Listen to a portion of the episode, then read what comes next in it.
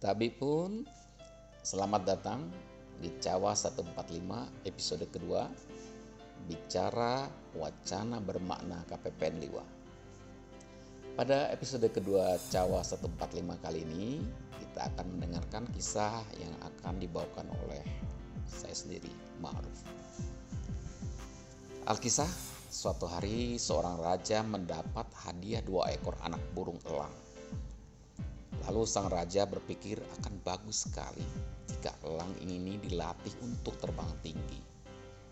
Kemudian sang raja memanggil pelatih burung yang tersohor di negerinya untuk melatih dua elang ini. Dan setelah beberapa bulan kemudian, pelatih burung tersebut melapor kepada sang raja. Paduka Raja, seekor elang telah terbang tinggi dan melayang-layang di angkasa namun seekor lagi tidak beranjak dari pohonnya Paduka. Hamba tidak sanggup lagi Paduka. Raja pun memanggil semua ahli hewan setelah mendapat laporan dari sang pelatih tersebut untuk memeriksa elangan kesayangan ini. Tapi tidak ada yang berhasil menyembuhkan dan membuat elang ini terbang. Berbagai usaha telah dilakukan, namun elang satu ini tidak kunjung beranjak dari dahannya. Kemudian sang raja menemui seorang petani, ya sebut saja namanya Cawa ya, yang sangat mengenal akan sifat elang dan memintanya untuk membantu. Gak tunggu berapa lama, keesokan harinya ketika sang raja mengunjungi elang ini, ia kaget melihat elang ini sudah terbang tinggi.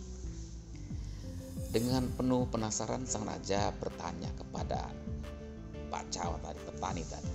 Jawa, apa yang telah kau lakukan sehingga elangku dapat terbang? Tanya sang raja. Petani pun menjawab, saya hanya memotong cabang pohon yang selama ini dihinggapinya Paduka. Dan itulah yang membuatnya nyaman sehingga enggan untuk terbang. Guys, berdasarkan cerita itu, hikmahnya adalah kita itu semua dilahirkan untuk sukses. Kita ditakdirkan untuk terbang tinggi. Tapi ada yang memegang erat kita yaitu ketakutan. Tidak ada yang mau melepaskan ketakutan itu. Takut untuk keluar dari zona nyaman. Memang terkadang kita terlalu memegang zona nyaman sehingga takut dan tidak mau melepaskannya. Takut gagal, takut kecewa, sehingga enggan untuk berjuang, malas untuk berpikir atau bertindak lebih baik dari sebelumnya. Cerita ini juga menganalogikan sifat manusia yang gampang puas, kemudian berhenti berusaha keras saat sudah berada pada saat zona nyaman. Semakin nyaman, semakin menurun kreativitas. Semakin tidak produktif manusia tersebut.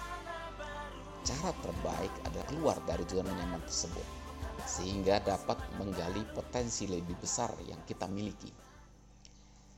Mari kita tingkatkan kapasitas diri dan organisasi kita lebih baik dari sebelumnya. Karena bukankah hari ini harus lebih baik dari hari kemarin? Iya kan?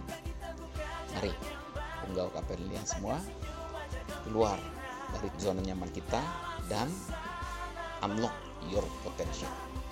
KPLN Dewa pasti bisa. KPPN Dewa pasti juara. Salam.